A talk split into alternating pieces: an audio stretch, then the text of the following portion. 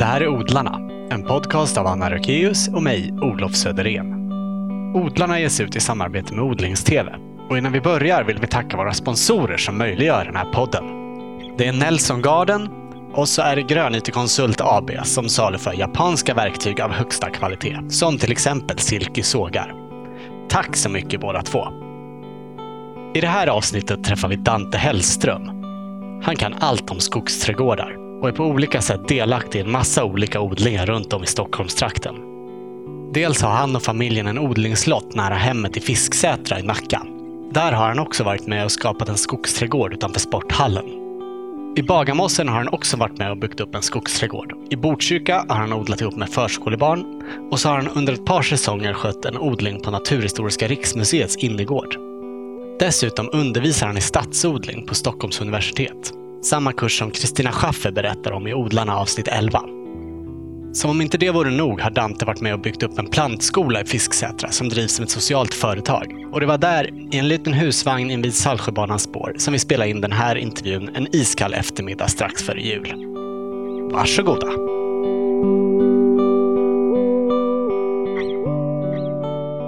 Han din blev väldigt kall, eller? Nej, det blev bra. Mm. Ja, det finns ju mer vatten att fylla på. Du får fylla på från teen här, det gör ju inte så mycket. Det var väldigt gott. Det var väldigt gott att blanda det här teet med kaffe. Det blev väldigt bra alltså. Det är något nytt. Ja. Vi har hört att du är jätteduktig på det här med skogsträdgårdar. Och det är så himla spännande så vi ska verkligen grotta ner oss i det. Men jag tänkte vi ska börja med att få lite av din bakgrund. Så att vi får lära känna dig också. Mm. Hur kom det sig att du började odla? Jag uppväxte i en villa med min, mina föräldrar, och så här, men mamma höll alltid på med odlade. Och jag hade alltid hallon och jordgubbar och svarta vinbär och sånt där som, man, som gick åt. Och så. Var växte du upp någonstans? I Hälsingland. Var det mest bär ni odlade då? Eller? Ja, det var väl där som det blev någonting av det i alla fall. Det fanns ju äpplen och liksom, det som kom tillbaks. Så, och så. Ja, men det var väl någon morot och lite ärtor också, men inte så mycket. Det var inte så att de var jätteintresserad, men det fanns där. Liksom. De är duktiga på jordgubbar och sånt. Har du andra förebilder inom odling? Ja, jo, det är väl Lena då. Lena. Israelsson? Ja, faktiskt. Ja, Hon, har, Ja, hon hon har ju varit med här förut. Så, ja. jo, men som en... Ja, den har jag, det var väl det första. Liksom, det var så jag lärde mig från början att läsa den, helt enkelt. Handbok för köksträdgården. Jag var Ja. väldigt fin. Det är många som återkommer till Ja, det. ja, det, är det. ja. Men hur kom det sig sen då att du gick från att eh, odla lite hemma med dina föräldrar till att det blev liksom ditt eget intresse? Jag började plugga på Södertörns högskola och gick ett program som heter miljöutveckling. Så lä- läste om alla miljöproblem och jag var i Tanzania och skrev uppsats om jordbruk där och så. Och då hade jag också varit på i Hälsingland på ett eh, så ekocentrum i Mobodarna som heter Växthuset och lärt mig om permakultur. Så jag hade det med mig. Och så, ja, I skolan lärde vi oss om alla problemen men så såg jag att man kunde ha alla de här lösningarna också med permakultur och ekologisk odling och sådär. Och, um, så när jag pluggade klart där, på den här skolan i alla fall, då visste jag att vi behöver plantera en väldig massa träd helt enkelt. Det var, liksom, det var resultatet av det hela. Så då var jag med och startade, några kompisar startade här nätverket Tillväxt. Då, för vi skulle plantera massa träd överallt. Typ som Viskogen. Jag menar, eh, Viskogen, det är så självklart att det, man, man planterar träd för att folk ska få mat och liksom ved och grejer och så. Men så är det här också. Egentligen. Bara att vi har ju avskärmat oss lite grann från, från våra närmsta ekosystem. Så att vi inte direkt beroende av ekosystemen. För vi har ju så mycket olja och sådär. Som vi kan använda och liksom importera grejer och så. Men där är man direkt beroende av det. Det var mycket som jag såg där också i, när jag var i Tanzania folks liksom direkt beroende av sina ekosystem. Och att det gick så mycket bättre för de som planterade träd och buskar och fleråriga växter Ja. än de som planterade, höll på med majsen. Det var hårt. Jag kommer ihåg. Ja, Jag vet inte om det hörs i mikrofonerna. ja det gör det nog lite grann kanske. Men det var ju Ja, men det var en stor skillnad. Alltså. Det fanns några folk som hette Chagas som odlade enligt um, ja, men så här skogsträdgårdar helt enkelt, som sina hemträdgårdar på, på bergen där. Och de hade höga akaciaträd som virkesträd och de hade kaffeträd, kvävfixerande under där och så hade de fruktträd och så hade de bananer och så blandat. och de mådde rätt bra. Liksom. De kunde skicka sina barn till skolan och sådär. Om kaffepriset var bra i alla fall. och så, så de hade det bra där. Mm. Och det var ett hållbart sätt. Liksom. Ja, det var. Det såg man direkt. Också det här med community managed um, forests också då. Att det var byar som tog hand om eh, skogar istället för till exempel skogsbolag. Och det var också så där. Man kunde använda lite virke, man kunde hämta honung, stenar, byggmaterial, mediciner och liksom de vilda frukterna i de här skogarna. Och de, det var också en väldigt lyckad grej. Alltså.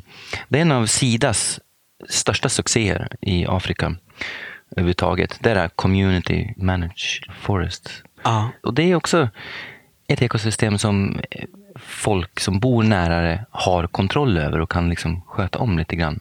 Och, skörda. och de här skogsträdgårdarna har alltid funnits i, i Sydamerika också. Det, har, det är äldre än jordbruket att använda träd och buskar och liksom sköta om dem och ta bort några stycken och släppa fram andra. Och så, här. så det är en väldigt, väldigt gammalt sätt att odla på. Helt Mm. enkelt. Optimera ekosystemet för att få mer nytta av det helt enkelt. Ja, visst. Men det här tillväxtnätverket som du nämnde då? Ja, precis. Berätta mer om det. Ja, men vi, vi stack ut och så fick vi något gammalt halvdött päronträd på en plantskola. Som eh, vi planterade i Vitabergsparken då, så hade vi massa, liksom, bjöd in massa folk och sådär. Och så. Så, så började vi. Och eh, det där päronträdet, det, Står det kvar? Ja, det har sett förskräckligt ut i många, många år och det är så sjukt och sådär. Så, lite undanskymt står det där. Men vi planterar lite andra grejer också som, står kvar faktiskt och, och är rätt fina. Så. Mm. Men eh, ja, om man får ett träd som, från en plantskola som nästan har dött, då, det är inte, inte en bra början egentligen. det är inte så bra förutsättningar. Men vi har ju lärt oss mycket. ja, men hur Sen har det spridit liksom. sig sen då, det här nätverket? Ja, men alltså vi, det har blivit några trädgårdar som genom det här, vi har läckt ut på olika hemsidor och skickat mejl till folk. Ja, nu ska vi göra det här. Kom med växter, kom hjälp till. Och så har alla varit fria att göra det. Så då, på så har det funkat. Att man har kommit och hjälpt till och eh, planterat tillsammans. Och byggt upp trädgårdar underifrån på det här sättet. Eller bara plantera ett par träd eller så. Det finns några skogsträdgårdar. Så. En i Rågsved bland annat, som ett stor som har gjort då, på det här sättet. Att varje gång bara bjudit in till planteringar och, och liksom många gånger och byggt upp en hel trädgård på det här sättet. Och så, och så här i Fisksätra också har vi gjort det. Och så. Men är det mest på allmän plats där liksom vem som helst Nej. kan ha nytta av det? Eller? Nå, vi har ju blivit inbjuden till alla möjliga ställen och, och vi har ju fått vara på massa skolor och, och eh, möten och, och festivaler och allt möjligt och, och kommit och planterat träd där. Så det har blivit det här trädplanteringsworkshop. Så då har vi varit några stycken som har kommit och tagit med träd och så har vi planterat där tillsammans med folk och pratat om det här vikten av att plantera träd och, och liksom jordelivet och täckodlat och, och sådär och snabbutbildat folk i, i trädplantering. Så att de förhoppningsvis bara ska våga plantera själv och så ska det liksom bli massa, massa fruktgivande träd överallt. Med, ja, med nötter och frukt och bär och allt möjligt. Så det har varit, det var så vi tänkte ut att det skulle bli. Liksom. Eh, som en del av utav det här stadslandskapet. Att det finns sådana trädgårdar överallt och så här ätbara landskap. Som bara, att hela stan och hela världen är en, en stor trädgård. Ja, en menar, härlig vi kan, vision. Ja, eller hur? Vi kan ju göra ett paradis. Så, Mm. så varför inte? och ja, Det har väl blivit några hundra träd. Liksom. Men eh, det har inte varit så att folk det har gått man i hus och bara planterat massa träd ändå. Så än. Det ligger på framtiden kanske. ja, visst. Men hur gick den här eh, miljöutbildningen? Ja. Har du någon utbildning liksom inom odling eller är det helt självlärd? Ja, jag har gått hotell och restaurang. Ja. Ja, och det tycker jag är en bra utbildning när man ska hålla på och odla faktiskt. För då eh, förstår man ju, liksom, det är där det handlar om för mig mycket. Mm. Mat och så. Mm. Nej, nej jag har ingen vanlig trädgårdsutbildning. Har jag inte. Nej. Du är inblandad i rätt mycket olika projekt. Vill du berätta om, om de här olika ställena som du är med och odlar på? Ja, jag kan börja där, här där vi sitter då, i den här husvagnen som är målad med, med solrosor och så. Och det är i Fisksätra. Ja, Och- och den står på en gammal Vad som ser ut att vara en gammal övergiven parkering. Ja, ungefär. precis, precis. När vi kom här då så var det 36 ton asfalt som låg här i stora högar och, och fullt av bråte och sådär. Ah. Så det var en dumpningsplats för sådana entreprenörer som bygger och, sådär. Så det kostar ju. Till exempel ett ton asfalt kostar ju tusen kronor att lämna in, som är miljöfarligt avfall. Då. Man måste lämna in det. Så det fick vi faktiskt hjälp av kommunen att ta bort. Eh, De kom med traktor och tog bort det. Och så, för att vi sa att vi ville göra någonting här. Och så då 2012 då, så byggde vi ett, ett växthus här. Ett här bågväxthus då, på 100 kvadratmeter tror jag det är på. Ja, och sen så har vi mm, ja, komposter här och, och, och så har vi använt de här, de här odlingsbäddarna i, i växthuset har vi komposterat i då, så vi har fått värme i, i bäddarna på det här sättet. Även sent på hösten och tidigt på våren och så, när vi har drivit upp frön. Och den här plantskolan, det ser vi som Fisksätras hjärta eftersom det är här vi återvinner material och vi skapar plantor som ska ge mat i sin tur och, och kretsloppen sluts här. Mm. På något Ni säljer plantor lite här? kretslopp. Ja, vi har gjort det förut. Vi gör inte det så mycket nu. Det är lite lugnt nu faktiskt här. Och så är det vinter också. Men vi får se hur det blir till våren. Ja, vi, har lite, vi har lite växter kvar som vi säljer fortfarande till och liksom lite mer projekt. Så. Vi har inte någon öppen försäljning till för allmänheten. Men mm, alltså, det håller vi på med här. Och så återvinner vi virke också. Vi har fått massa virke. Som ni har till att bygga odlingsbänkar och så i. Ja, precis. Vi känner att det, det är en central del när man ska hålla på med... Vi ska ställa om alla de här samhällena. Och verkligen en central grej är ju att ta reda på och sluta kretslopp och ta reda på löv och matrester och sen lite grus. Och det, det är grunden till odlingsjorden som vi har här i de här krukorna. Då. Mm. Och det håller jättelänge. De här löven som vi har laddat med kiss också, några hundra liter på en, på en sån här stor hög. Det har hållit näringen i hela säsongen och det uppnår man bara med genom fusk annars, genom att använda konstgödsel, små kulorna du vet. Så. Ja. Men de här löven, de håller också genom... Kissar de, ni direkt på lövögarna eller samlar ni på något sätt för att få Ja, det tillräckligt där har jag stått... Ja, nej, jag, min hemma har jag kissat i en dunk. Ja. Och så har jag burit hit och hällt på. Och så. Och det är ett jättebra sätt, bara hälla på en lövhög. Och det bryts ner lite grann. Och allt det här organiska materialet, det som det är så himla bra på, det är att hålla näring på olika sätt. Det är som det kommer små bakterier och svampar som börjar äta på det där och så tar de upp näringen. Och så. Ja, det fungerar ju som torv. Mm. Som man säljs mycket här. Ja, Så, fast mm. mycket bättre. Ja, det är såklart. Mycket bättre. Torv är ju helt galet. Men när man bryter torv och sen så bryter man kalk och så blandar man ihop det och så har man den här påsjorden som vi säljer. Ja, så så det blir, två, det blir två brott. Liksom, för, ja. Ja. Och så kemikalier. Ja, visst. Så, så det går ju att göra det på det här sättet. Och det är rätt skönt att, att veta, att vara säker på det här. Liksom. Mm. Verkligen, löv bara. Det är grejen. Mm. Vad är det för typ av plantor som ni driver upp och, och som ni har sålt härifrån? Då? Ja, det är ju mycket hälsoplantor. Grönkål och, och blommor också. Snittblommor, sommarblommor har det varit. Och sen mycket buskar och träd. De här, så här permakultur, så här, skogsträdgårdsväxter har- varit min stora grej här. Ja, sånt kan ju vara rätt svårt att få tag i annars. Ja, precis. Ja. En del av det i alla fall. Ja, så är det ju. Så det är kul att kunna få ut de här mer robusta plantorna som kommer tillbaka år efter år. Då känns det som att projekten håller lite längre än om man har ettåriga växter och sen så är missas det att skötas om ett år. Då är det bara ogräs och liksom ser skräpet ut. Men det här håller på ett annat sätt och ger mat längre, de här fleråriga växterna. Så det har varit en mission att försöka få ut de här plantorna. Men såklart, jag har ingenting, alltså jag odlar ju ett år, massa ettåriga växter också. Tomater och sånt. Jag har Ja, ingenting väldigt emot mycket sådana vanliga grönsaker är ju ettåriga. Ja visst, så jag har ingenting, det är inte så att eh, man, det är antingen eller, utan man lägger till de här eh, fleråriga grönsakerna och träden och buskarna till den här eh, grönsaksodlingen. Alltså, eller på andra ställen. Men, men alltså, det är inte så att man ersätter den, tycker jag. Så. Det är en del som tror det. "Ja, men ska vi inte ha de andra? Jo, men det är klart. Bara för att förtydliga. Mm. De här eh, fleråriga grönsaker kan man odla på ställen som man inte kan odla vanliga grönsaker på. För de är tuffa, de liksom klarar kanske lite skugga och behöver inte lika mycket näring eftersom de har så djupa rötter och kan få upp näring själv på djupet. Och en del fixerar i kväve och du vet sådär. Så mm, det är ett bra komplement. Mm. Alla de här andra odlingarna, du har bland annat varit med och byggt upp en skogsträdgård i Bagarmossan. Ja, just det. Ja, ja det är. Ja, Kristina Schaffer att tacka för mycket faktiskt. Hon, hon brukar fixa in mig på massa bra grejer. Ja. Just det, och hon finns i ett tidigare avsnitt om någon inte har hört det. Ja, just det. Precis. Ja. Ehm, så det var hon som... Ja, de frågade henne om stadsodling och, och sådär. Och hon sa, ja men hör av er till Dante, han kan säkert vara lärare där. Så, och så blev det. Det var jättekul. Så du var med mm. och höll en kurs för dem? Ja, vi hade tio träffar. Och vi gick igenom massa om skogsträdgård och, och massa biologi och ekologi och om insekter och växter och, och design, hur man ska sätta ihop hur man ska tänka och ja, allt möjligt. Och sen så gick vi ut och så gjorde vi den där designen. Då. Praktiskt? De, ja, praktiskt. De, de, som deltog i kursen och gjorde den här designen. Aha. Och den blev jättebra. De helt grymma var de. Alltså. Kul. Ja, men där har det varit ett väldigt stöd från kommunen också.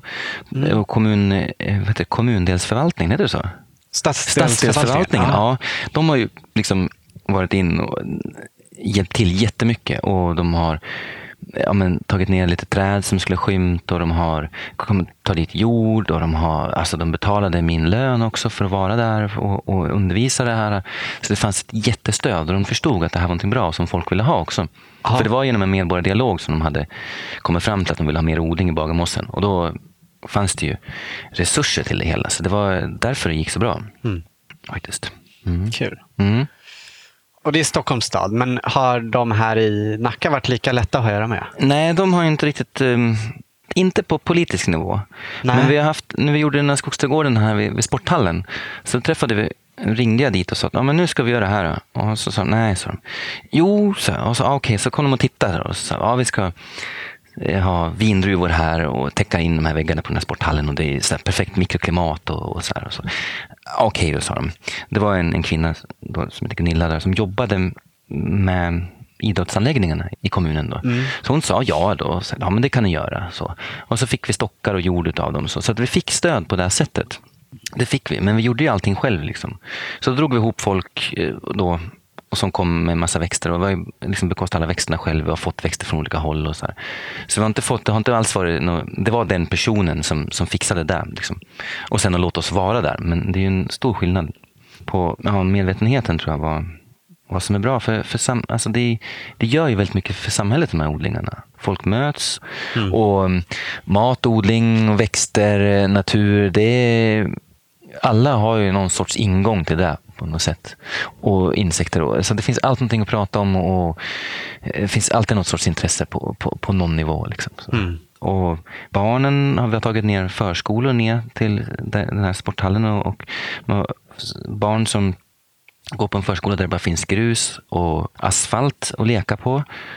Och De har fått komma ner till oss och lekt och doftat på myntor och smakat på bär och sånt här. Så vi har haft, tagit ner dem varje tisdag för hösten. Mm. Så det känns som att det har varit en väldigt, väldigt viktig grej. Det har, det har varit det som känns som har betytt mest tycker jag. För att få ta med de där barnen som inte har haft någon naturkontakt tidigare. Och det är så värdefullt. Där borde ju en kommun satsa mer på. Liksom så. Ja, menar, till exempel, jag jobbar i Botkyrka också och där ja, där är jag anställd för att komma till en förskola och odla med barnen där. Liksom. Och de förstår att det är bra. Och det är så kommunala förskolor också. Så det är de som bestämmer över dem. Liksom. Så ja, det är riktigt, riktigt häftigt. Och det finns ett, en helt annan förståelse och tryck, liksom, politisk insikt om hur bra det är. Liksom. Ja. Sen har du jobbat med odlingarna på Naturhistoriska riksmuseet också. Ja, just det. Ja, det är Kristina igen där som fixar in mig där. Ja. ja. Eh, ja, nej men det, de kontaktade henne då, Kristina, för de ville ha en stadsodling där. Mm. Och hon ritade den. Och sen så fick jag jobba där på att sköta om den där och, och vara med och anlägga den och sådär. Första sommaren då, förra sommaren och så. Så vi, det var också tillsammans med Bodla då, de stod för barnaktiviteterna mycket tillsammans med museet och som också har mycket barnaktiviteter själva. Det är och Bodla, det är, vilka är det? Ja, det är både en förening och ett företag som håller på med mycket skol, skolodlingar och så och håller till i Botkyrka kommun. Då. Så det är där, genom det som jag jobbar på den här förskolan som jag nämnde tidigare då, i Botkyrka. Just det. Mm. Så hänger det ihop. Ja. ja. Just det, men de var med och satte igång det här. Precis. precis. Mm. Är det också skogsträdgård ni har där? Eh, nej, det är en stadsodling. Ja. Så, men det är mycket spännande växter och jag vill ha tagit in växter från jag har ju fått lite fria händer den här säsongen då, så jag har försökt få in mera etnobotaniska eh, inslag i det. Att eh, växter, växter som man äter i olika delar av världen. Ja. Och, så. och mycket fleråriga växter. Då. Har du några spännande exempel på sådana? Ja, salladsaralia äter man mycket i Japan. Jaha. Ja, så det, då skalar man stammarna och så man äter man som grönsak och det är en jättestor grej där. Och hackar dem och vokar dem till exempel. Och mm, det är väl det, som en grönsak. Man kan äta den rå också. På, ja, men som en salladsväxt. Liksom. Och hur smakar den? Lite som selleri smakar den när den är rå. Då. Sen annars så smakar den som försvinner där eh, lite skarpa smaken då. När man tillagar den på olika sätt. Men det finns jättemycket recept på det där på nätet och så. Kul. Man kan kolla in. Hur odlar man salladsaralia? Ja, det blir en enormt stor perenn helt enkelt. Som är två meter hög och, och som en meter bred. Som Ja. är väldigt mycket mat, men den är superproduktiv. Särskilt på den innergården där. Det är ju ett supermikroklimat där inne på Naturhistoriska innergård där.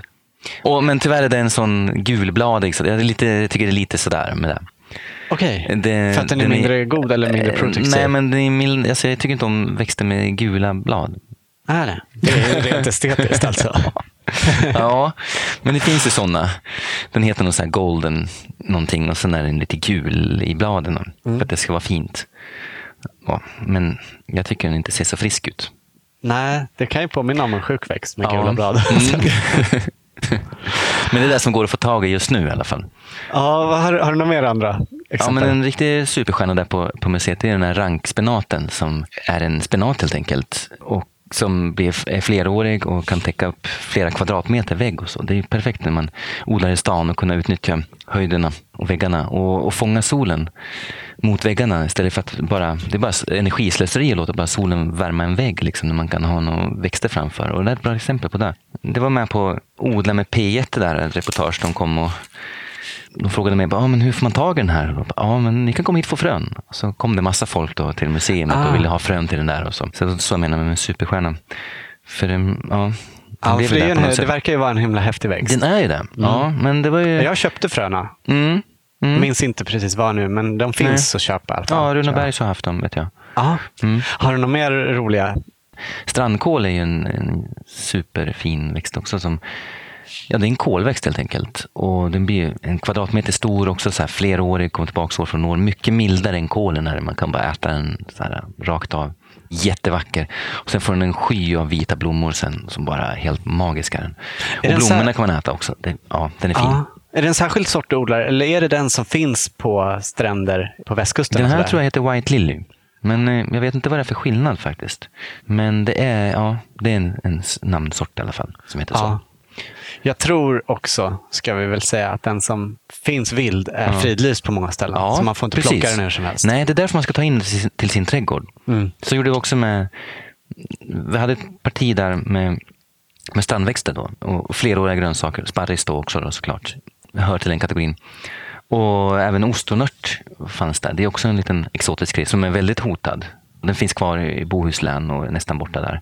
Ostronört? Ostronört, ja. Och den tog vi in till trädgården för att där, där kan man faktiskt skydda den. Och så kan man ju tänka med, med strandkålen också. Jag tycker inte man ska gå runt och skörda den i, i naturen så mycket heller faktiskt. Det, det, är, det är samma med kärleksört, det är en jättebra grönsak.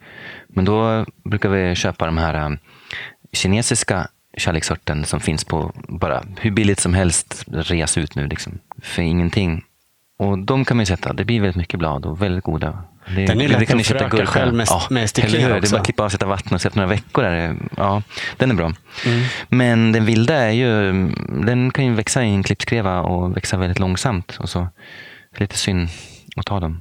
Men man ska helt klart äta dem i sin trädgård. Mm. Det är också en som, jag träffade på damer som var 70 år och, hade, och liksom, det var första dagen i deras liv där de fick smaka på kärleksört som de hade haft i sin trädgård liksom, hur länge som helst. Så det var, det var stora händelser. Liksom. Jaha. Det är många som inte vet att man kan äta den tror jag. Nej, det är väl det som är gemensamt nästan för alla de här fleråriga grönsakerna eller så här, fleråriga växterna som man kan äta. Att det, folk har dem i sina trädgårdar och vet inte att man kan äta dem. Och det gäller den här kunskapen om hur man kan ska tillaga dem, hur man ska äta dem, när man ska skörda dem, som är eh, nyckeln till att man ska kunna använda dem också. För de andra grönsakerna, det finns, ja, det är lite enklare på något sätt. Ja, de som man alltid har ätit. Ja, det är men lättare precis. att veta vad man ska Ja. göra med dem. Exakt. Exakt. Just det. Och så har du en egen kolonilott här borta också. Ja, visst. Ja. En liten plätt nedanför huset bara. Vad Ja. odlar du för något där? då? ja, grönkål. Och pumpa. Och hallon. Och, och, och ja, det är väl det. Är din familj med också? Eller är det mest du som håller på? Nej, det är hela familjen. Ja. Jag har två barn också som, som hjälper till. De är entusiastiska i allt liksom att göra. Det är häftigt. Ja. I allt i matlagning och odling och sådär. Och vattna gillar de mycket. Har det kommit av sig själv eller har du gjort något särskilt för att få dem med dig? Ja, alltså de är ju med. De gillar ju att vara med på, på det vi gör. och så. Bara ta med barnen. Det är en, det är en väldigt bra, bra grej att, att kunna göra med barnen helt enkelt. Jag kan ju ta med dem till olika jobb också och, så där, och de kan passa in bra och, och, inte störa som om de skulle göra på ett kontor. Liksom. Så det är väldigt bra jobb att ha med barnen på. Mm. Faktiskt. Det är kul. Men eh, alla de här olika projekten, kan man säga att du lever på odlingen? Ja, att eh, odla med barn då inom Bodla och sen så på museet där då. Och så, ja, jag lever på odlingen, fast inte på maten som, som blir där, utan mm, mer undervisa. På relaterade grejer kan man Ja, säga. visst. Ja. Mm. Men som tur var kan man fortfarande köpa mat. på Ja. ja, så det är lugnt. Ja. Det är bra att kunna det här den dagen man inte kan köpa Ja, mat längre. precis. Ja. Jo, men det, det handlar ju om att, mindre, mindre fotavtryck också som man brukar prata om. Eh, Det finns en annan annat sätt att se på det, ett större handavtryck. Alltså. Och det är sådär, ett positivt sätt, en positiv variant av fotavtrycket. Då kan man ju få lite så här, ja men vart är man, alltså allt man gör har något fotavtryck. Men ett handavtryck, det är så här, det bra man gör åt så här gröna hållet. Så det är en fin, Ja, det är en fin tanke. grej. Ja, det är en fin grej. Det var någon, någon lärare som uppfann det där nu, för, för studenterna blev så deprimerade när de hörde det där om bara fotavtryck. att prata de om bara, om man, så, det bästa vore ju om vi bara försvann härifrån. Men nej, men det här med handavtryck. Det, det är där man liksom lyckas åstadkomma som gör världen mer hållbar. Och så. Mm. Mm. Det är Det bra. är fint. Ja, det är fint. Med det så behöver jag väl knappt fråga, men odlar du helt ekologiskt? Ja, Jag trodde det. funderar Ja. på vad om det skulle kunna vara. Ja, Det skulle väl vara något, möjligtvis då, att man, de här påsjorden som dyker upp lite här och där, den är billig och, och, och så. Och jag vet att det är många som använder den och kanske tror att de odlar ekologiskt. Men det gör de ju faktiskt tyvärr inte. Då. Om man använder den här Nej. vanliga påsjorden. Det finns ekologisk från, från Konsum. Sådär. Men det är inte särskilt hållbart att ta in så mycket. Liksom, det är fortfarande torv i dem och så. Så det är inte särskilt hållbart. Nej, och den som inte är märkt Så- ekologiskt, den innehåller ju alltid konstgödsel Ja, det är också. alltid konstgödsel. Och det är ju igen då, man bryter fosformalm i, i gruvor i Västsahara. Mm. Så det är, det är stora geopolitiska frågor där liksom, som handlar om det med fosforn. Alltså, det finns den där, den där peak fosfor, att ja, men fosforn kommer inte att räcka och sådär. Grejen är att vi har ju tillräckligt med, med fosfor i våra jordar. Det gäller bara att man har träd och djuprotade växter som kan ta upp dem till det övre jordlagret och sen att man återför näringen och man sluter kretsloppen. Då man, man använder sitt kiss. Och man, liksom. Så att det är ju inte någon fara egentligen om vi inte fortsätter lika galet som vi håller på nu. Då. Nej, precis. Men det är ingenting som talar för. Ingenting alls. Nej, det måste ju bli en skillnad. Ja, men visst. Ja. Alltså, det blir roligare för alla. Liksom. Alla vill ju ha en grönare värld och eh, en hållbar värld. Så det handlar väl bara om, ja, jag vet inte. Ja. Nu tänkte jag att vi ska gå in lite på djupet i det här med skogsträdgårdar. Ja, Med risk för att det blir lite upprepning för de lyssnare som har hört programmet med Kristina Schaffer. Tänkte Mm. jag bara be dig först berätta lite kort vad begreppet skogsträdgård innebär. Ja, man tänker sig att man har ett ekosystem med, med ätliga växter och användbara växter på andra sätt. Det behöver inte vara ätliga, det kan vara ved och material och liksom mediciner och allt. Alltså allt kan man ju få från växter. Och det är ju det beror på vad man vill ha som man sätter in där. Och sen är det växter som är stödjande för systemet, som kvävfixerare till exempel. Olika ärtväxter då, som tillsammans med bakterier i rotknölar på deras rötter kan binda eh, luftens kväve då och använda den och göra om den till ammoniak som växterna kan ta upp.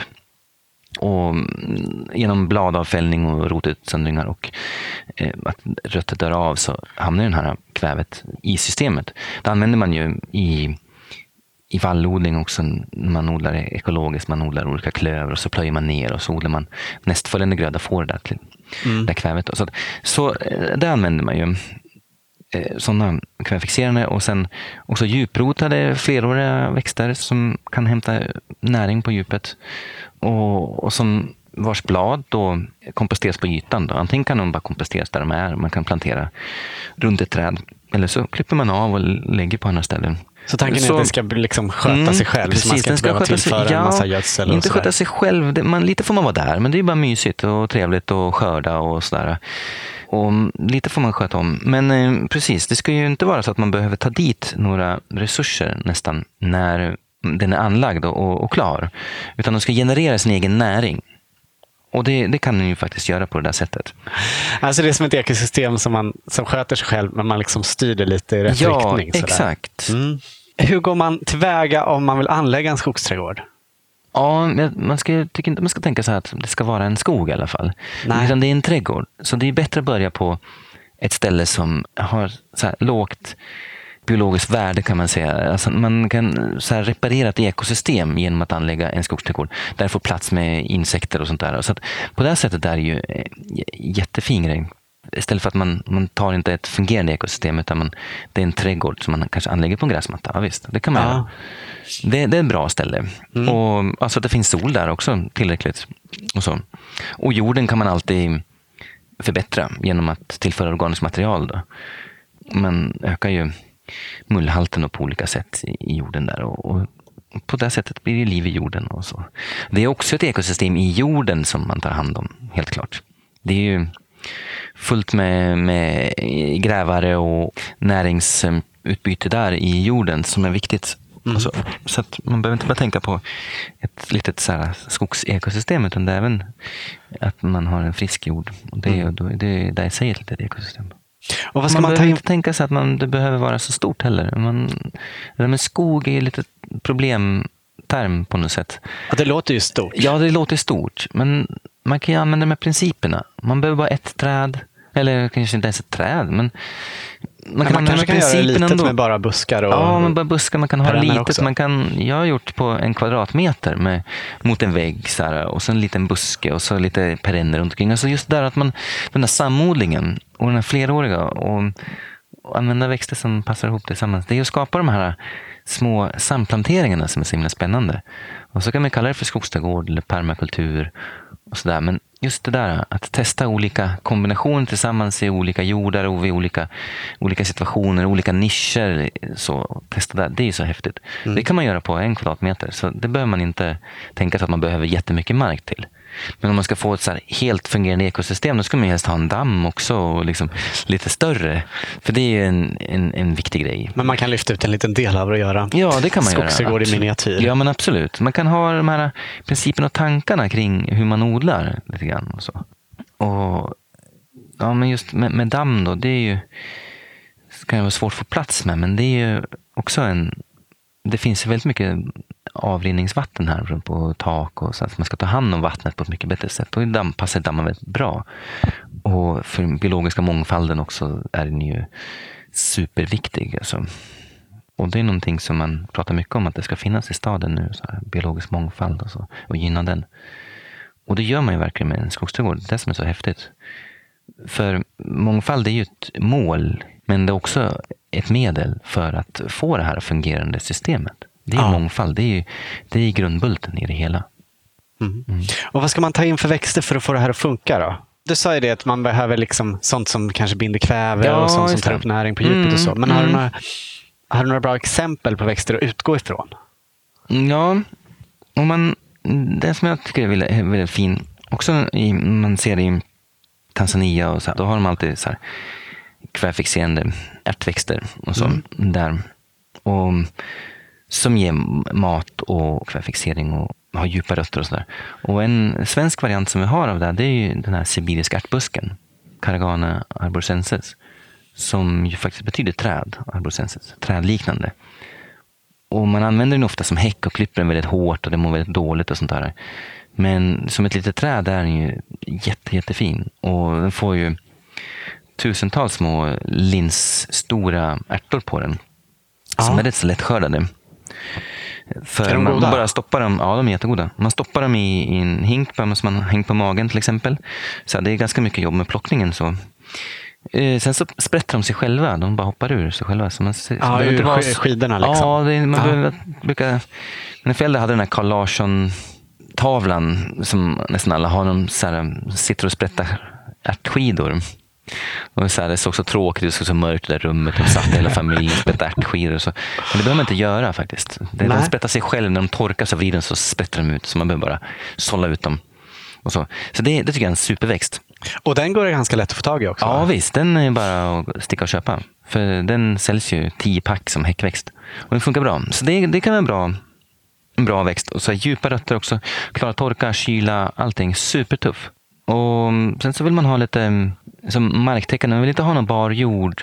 Man vill att det ska vara växter överallt. Annars kommer det ju ogräs. Som, det är, man en- som ska- det är i en skog. Liksom. Ja, precis. Som täcker ut det som man inte vill ha då, som kan vara ogräs. Då. Och, och perenner oftast inte gräs mellan växterna. För det är inte så. Man vill ju ha andra funktioner. Man vill ju ha växter som hjälper de där träden. Och det gör inte gräs. Man blir ofta runt äppelträd sånt har man ju kompakt gräsmatta och så. Det blir ju ganska mycket äpplen ändå. De har ju gamla träd med djupa rötter och sådär. Men gräset har mycket vatten och det blir lite dålig syresättning under där. Så. Så därför är det bättre att använda perenner då helt enkelt med djupa rötter runt träden. Ja, som marktäckare också. Ja, som marktäckare och, och, och så. så det är ju precis vad man vill ha. Man kan ha spansk körvel, eh, en jättefin växt som jag tycker om mycket, smakar lakrits. Det är den som är som en söt fänkål.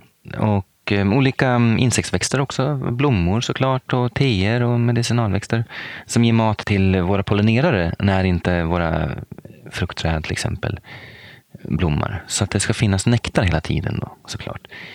Och finns det i närheten, då blir det mycket bättre pollinering på alla sätt. Och ja, djuprotade växter, tillbaka till där, finns en riktig superstjärna som heter vallört. Då. Uppländsk vallört. Och vi har den här som heter Bocking 14 och som inte sätter frön. För de är rätt så besvärliga. Har de väl kommit till en plats, då blir man inte av med dem så himla lätt. Nej, för vallört tänker jag med Ja. ett ogräs. Där är ju, kan det bli. Ja. Men du vet, om man ska ha lättodlat, då ska man ha sådana växter som är så starka och som tar sin egen plats och så. Och de här sprider ju inte frön då. Sprids inte med frön. Så om man planterar dem på ett ställe, då håller de sådär. Och så klipper man av dem och så täcker man med dem. Och de ackumulerar kalium. Och det är särskilt bra för bärbuskar och fruktträd som ska sätta frukt. Då. då vill man ju ha lite extra kalium. Så det är perfekt att klippa av och lägga runt sina bärbuscar. Då. Eller att de bara faller där om man har dem planterade. Vallörten, det är ingenting man käkar. Det är ingenting man äter. Nej, Nej. nej.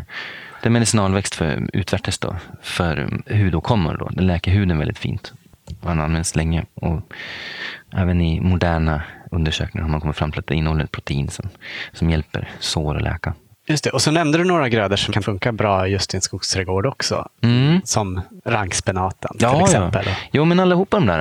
Eh, Ja, du tänkte på salladsaralien också. Den klara skugga också, ganska bra. Det är ju Ja. en väldig fördel. Alltså, ja, visst. Jo, men alla de där. Även strandkålen såklart i ett, i ett ljust parti. Och så. Den vill inte ha så mycket skugga och inte så mycket konkurrens. Och så. Nej, men längst Men- fram kan det funka kanske. Ja, visst. Absolut. Ja. Mot sol, solsidan. Ja, precis. Man får ju skapa olika nischer i den här trädgården. En, en torrare, sandigare där man har strandkålen och så en fuktigare, blötare där bakom någonstans där man har salladsaralien till exempel. Och körven. Ja. Ja. Har du några mer riktiga favoritväxter? När man tänker just perenna ätbara växter. ja, vi har ju den här lungroten eller den gode Henrik. Just det, den har jag hört talas Ja, om också. den, den är ju en sån här växt som funnits länge som man kanske inte har använt så mycket. Men den är fantastisk på många sätt. Alltså. För just att den kommer upp år från år och är stark. eh, Kvadratmeter tar den upp. Liksom. Och får så här feta rötter. Det är någon perenn molla va? Ja, det är det. Precis. Ja, den hör till amarantfamiljen då, dit eh, spenat hör och, och rankspenat och massa växter. Då. Och dit mollorna hör också. Och, ja, det, först på våren så är det en spenat och man tillagar den. Då. Smakar precis som spenat. Stuvad spenat. Och sen eh, äter man också skotterna som sparris. Då. Fattigmanssparris heter det förut. Och sen kommer det blomställningarna som broccolis. Då. också. Ah, blir de så där tjocka som broccoli? Liksom? Ja, de blir krispiga och fina. Härligt. Ja, det är fina grejer alltså. Innan de har bildat frön, det ska vara tidigt. så. Och sen kommer ju de här fröna, quinoa-fröna. Och det, de är ju väldigt nära släkt med, med quinoa. Och det blir väldigt, blir väldigt mycket frön på en sån.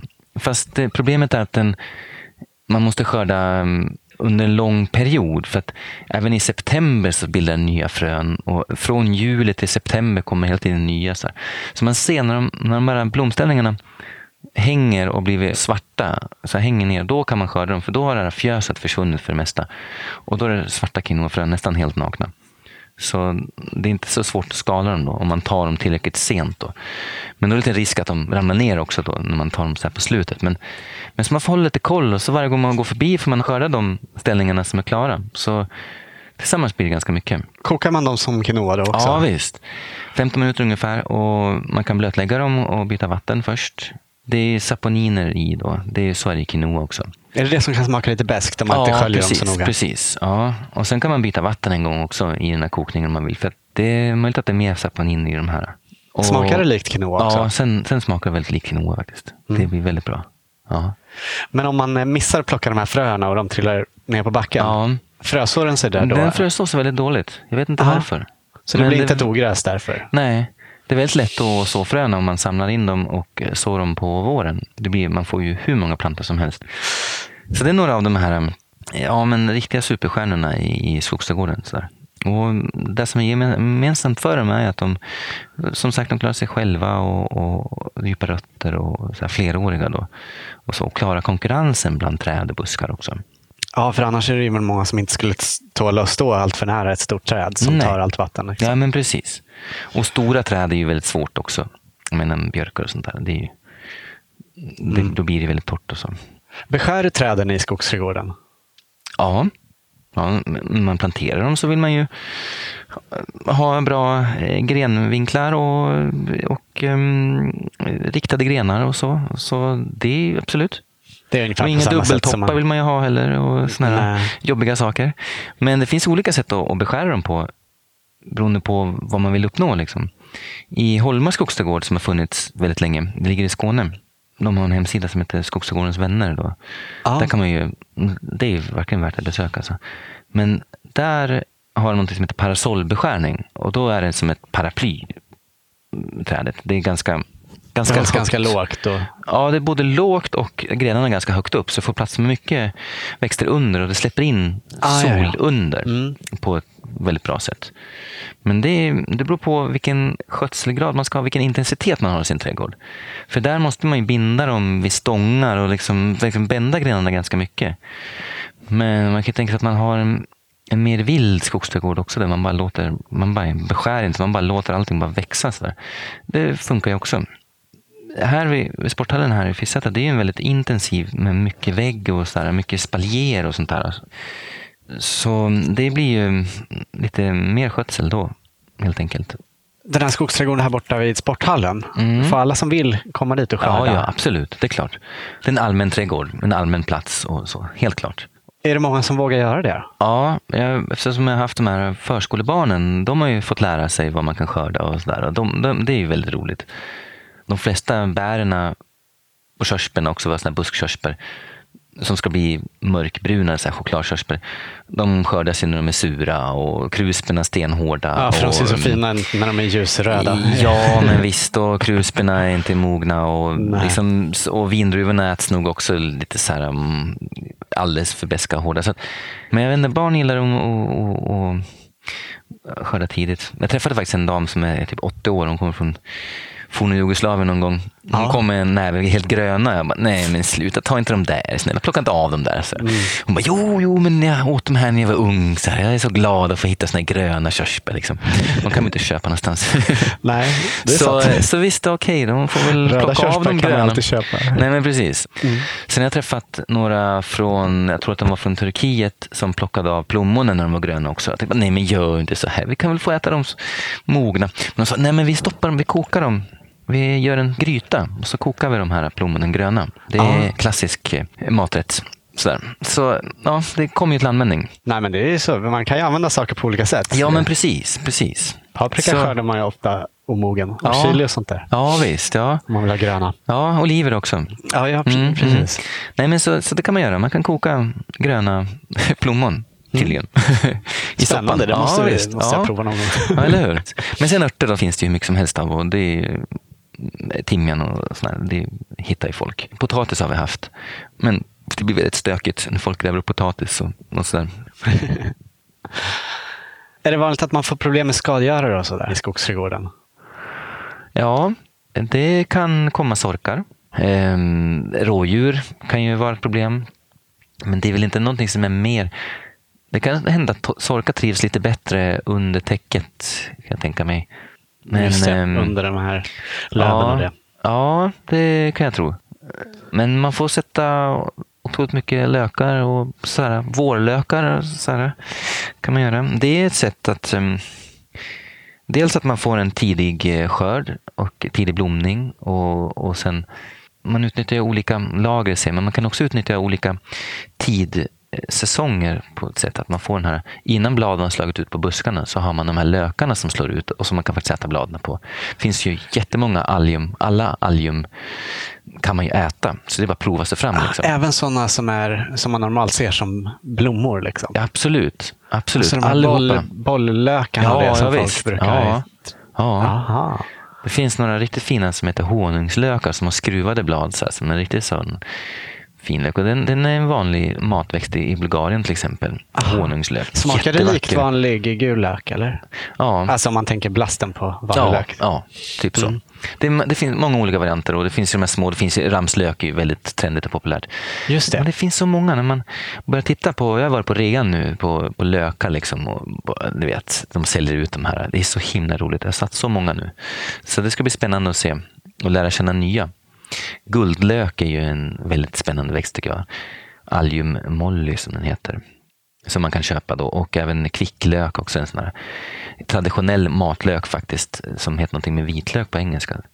Som används jättelänge och som man kan köpa i såna här små påsar på Konsum. Liksom. Ja. Så det är rätt, rätt kul tycker jag med de här, de här lökarna på det här sättet.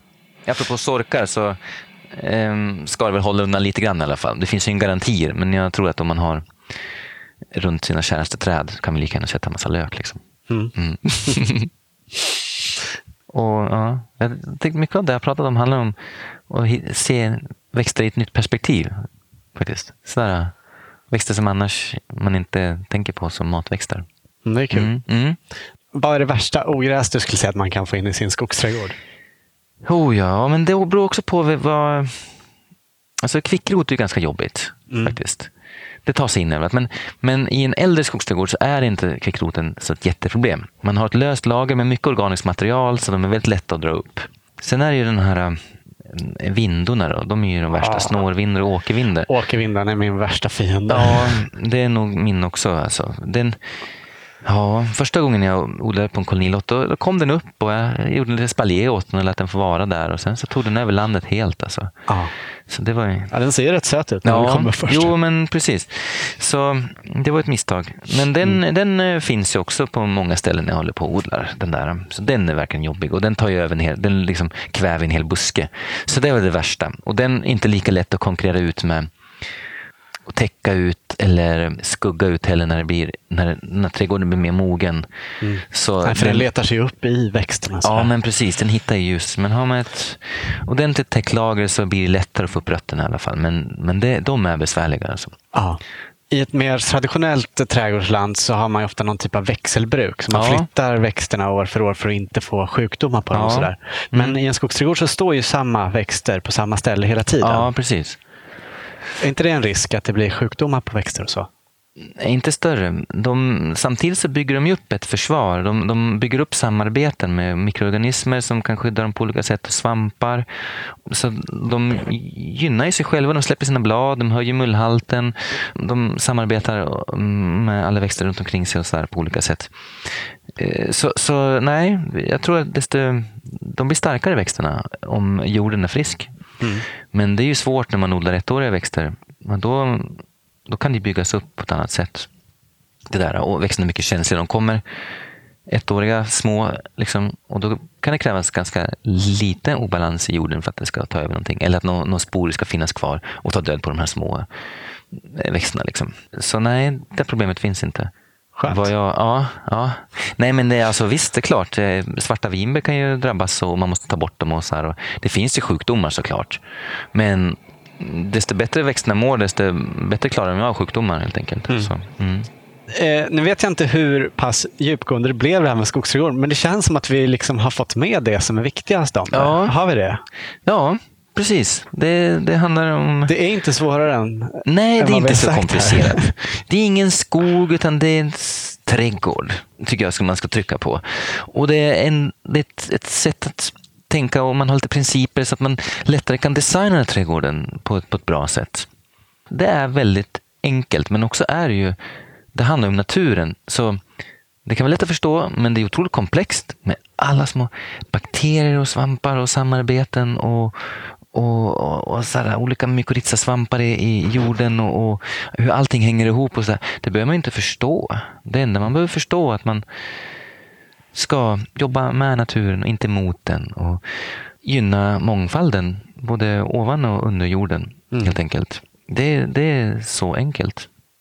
Och Försöka skapa växter. en miljö Ja. där mikroorganismerna trivs, där Mm. de fleråriga växterna trivs. Mm, mm.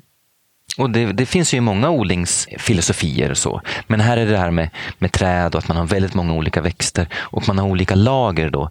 Man har ett överlager med träd och så klängväxter och så att man utnyttjar eh, solen också på vertikalt helt enkelt eftersom om man bara odlar en gröda med samma höjd då, då fångar man bara ljuset på den nivån. Men här, här har man flera nivåer och, och växter som hjälper varandra. Som sagt, för ett, ett träd som har djupa rötter släpper ner sina löv och förbättrar jorden runt omkring sig för andra växter. Och sen, ja men ni vet, allt det här, hur det hänger ihop, hur man skapar det ekosystemet. Så mm, ja, man odlar med naturen helt enkelt. Mm. Så man gräver aldrig. Man behöver typ inte vattna för att jorden oftast är täckt. Ja, precis. Man, Har man, har, behöver man vattna, då har man gjort något fel. ja. Ja. Inte ens till och med när det är extrem torka, alltså? Jo, det brukar ju vara på sommaren en, en period med, med torka och man ser björkarna ser väldigt trötta ut, även de vilda. och Så, så visst kan man vattna då, det, det kan man göra. Och det är klart. hjälpa till lite. Ja, men visst. Men eh, har man täckt ordentligt och har mycket mull, hög mullhalt och sånt där, då ska det klara sig.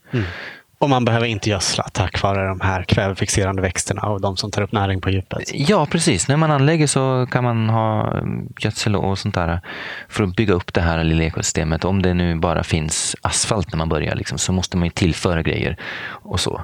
Men sen ska det generera sin egen näring. Absolut. Men det är inte skötselfritt. För det är inte samma sak riktigt. Men det handlar om att man inte tillför så mycket resurser och, och liksom tar in så mycket och um, måste använda, ja men ni vet, de här um, massa fossil energi och sånt där. Alltså. Du är noga med att poängtera att det inte är skötselfritt. Mm. Vad består den mesta skötseln i sen när det väl är etablerat?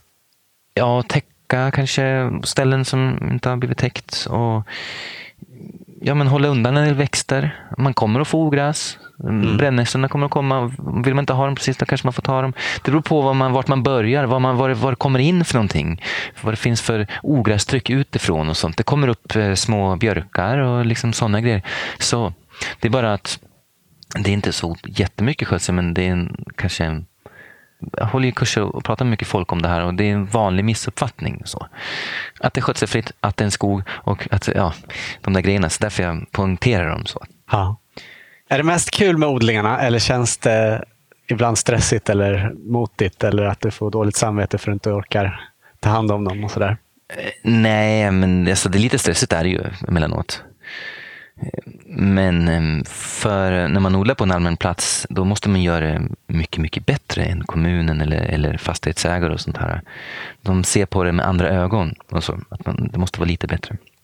Måste Och- se snyggt ut. Precis. En del tycker att det ser stökigt ut och mycket ogräs. Och det är, ja, visst, det är en del maskrosor.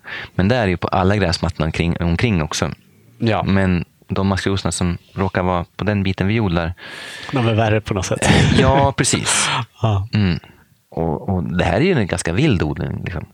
Så jag förstår att om man vill ha det väldigt raka rader och sånt där, då, då, är det ju, då kan det vara svårt att se det. Liksom. Ja. Men för det mesta är det ju positivt och folk kommer in och bara Åh, det är så vackert här. Wow! åh, det är så mysigt här och liksom, det är fantastiskt. Och vilken liksom, känsla. Så det mesta positivt. Kul. Ja, visst. Ja. Och apropå ja, grönsaker, maskros är ju en supergrönsak och, och, och också sådana ackumulerare med djupa rötter och, och liksom jättebra växter. Ja, hur äter ja. du den då? Ja, bladen. Ja, Färska visst. bara eller tillagar du dem på något Eh, sätt? nej, jag gör mycket gröna drinkar. Ja, Och det är ju en bra grej när man, som man får i den här skogsträdgården. Man får ett överflöd av bär och blad helt enkelt som man kan äta. Och vad man ska göra med allting, det blir liksom, kanske för mycket bär till slut. Man ska inte göra sylt av allt för då tappar man ju tänderna om man har för mycket socker och grejer. Så det går inte heller. Men, men om man gör gröna drinkar på alltihopa och så dricker man en grön drink varje morgon. Då blir man, alltså vilken energi man får. Det är så, det är så fantastiskt. För att gröna blad, det är ju absolut det är där vi äter alldeles för lite av och där vi mår allra, allra bäst av att äta. Det finns ju allting i det, till och med proteiner. Liksom. Mm. Så man bara fyller en kanna, det är mixen med gröna blad och så massa fina bär. Och så mixar man ihop det till en, till en grön smoothie, en grön drink. Är det inte väldigt beskt med just maskrosblad? Eh, nej, för um, det beror på tillagningen. Om du, om du har maskrosblad i, i en sallad till exempel, eller en drink. Då, ja, när man hackar dem så blir det lite bättre. För det försvinner lite av de här bitterämnena liksom oxideras, Ah. tror jag. Eh, vi börjar med salladen. Och Sen har man kanske vinäger på och det tar också bort den här. Man kanske har salt på och man kanske har olja på. Alla de här tar bort den här bitterheten. Och sen blandar man upp dem med andra blad som kanske inte är så beska också. Så att, nej, det är inte så farligt faktiskt. Det är bra. Mm. Eh, I en drink då blir det nästan ingen beskhet alls. För um, om man slår sönder dem helt och sen har man den här syrligheten i bären gör ju att beskheten försvinner. Och, och så ska man kanske inte vara så rädd för beskhet heller. Det är en vanesak, liksom. Ja, men Mm. precis. Det är en vanesak. Jag kan äta vilket blad som helst numera faktiskt. Mm. Mm. Vad gör du i odlingarna nu under vintern?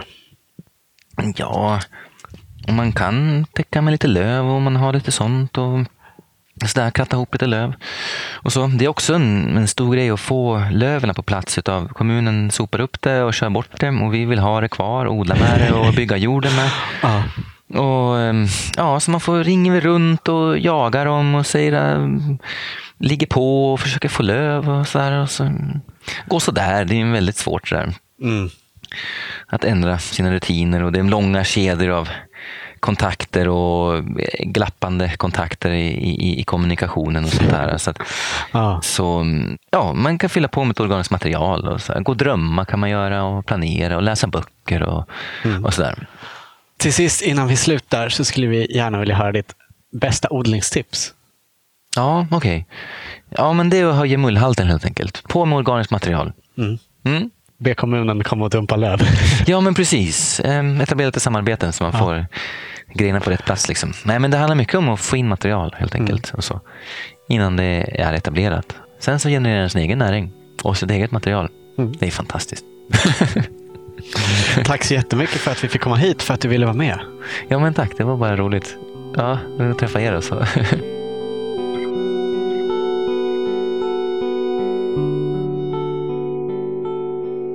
Du har just hört Dante Hellström i Odlarna.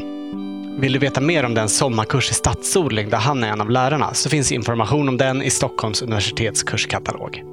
Och den odling på naturhistoriska som Dante jobbat med kan man förstås besöka igen till våren. I väntan på det kan du läsa om det projektet på odlastadenbloggen.org. Tack till dig som lyssnat och stort tack igen till våra sponsorer Grön IT Konsult AB och Nelson Garden som möjliggör den här podden. Redaktör var Anna Rukeus. Jag heter Olof Söderén. Vill du följa oss och vår odling så kan du göra det på thewaveswemake.se spenatistan. i stan. Ha det gott! Hej hej!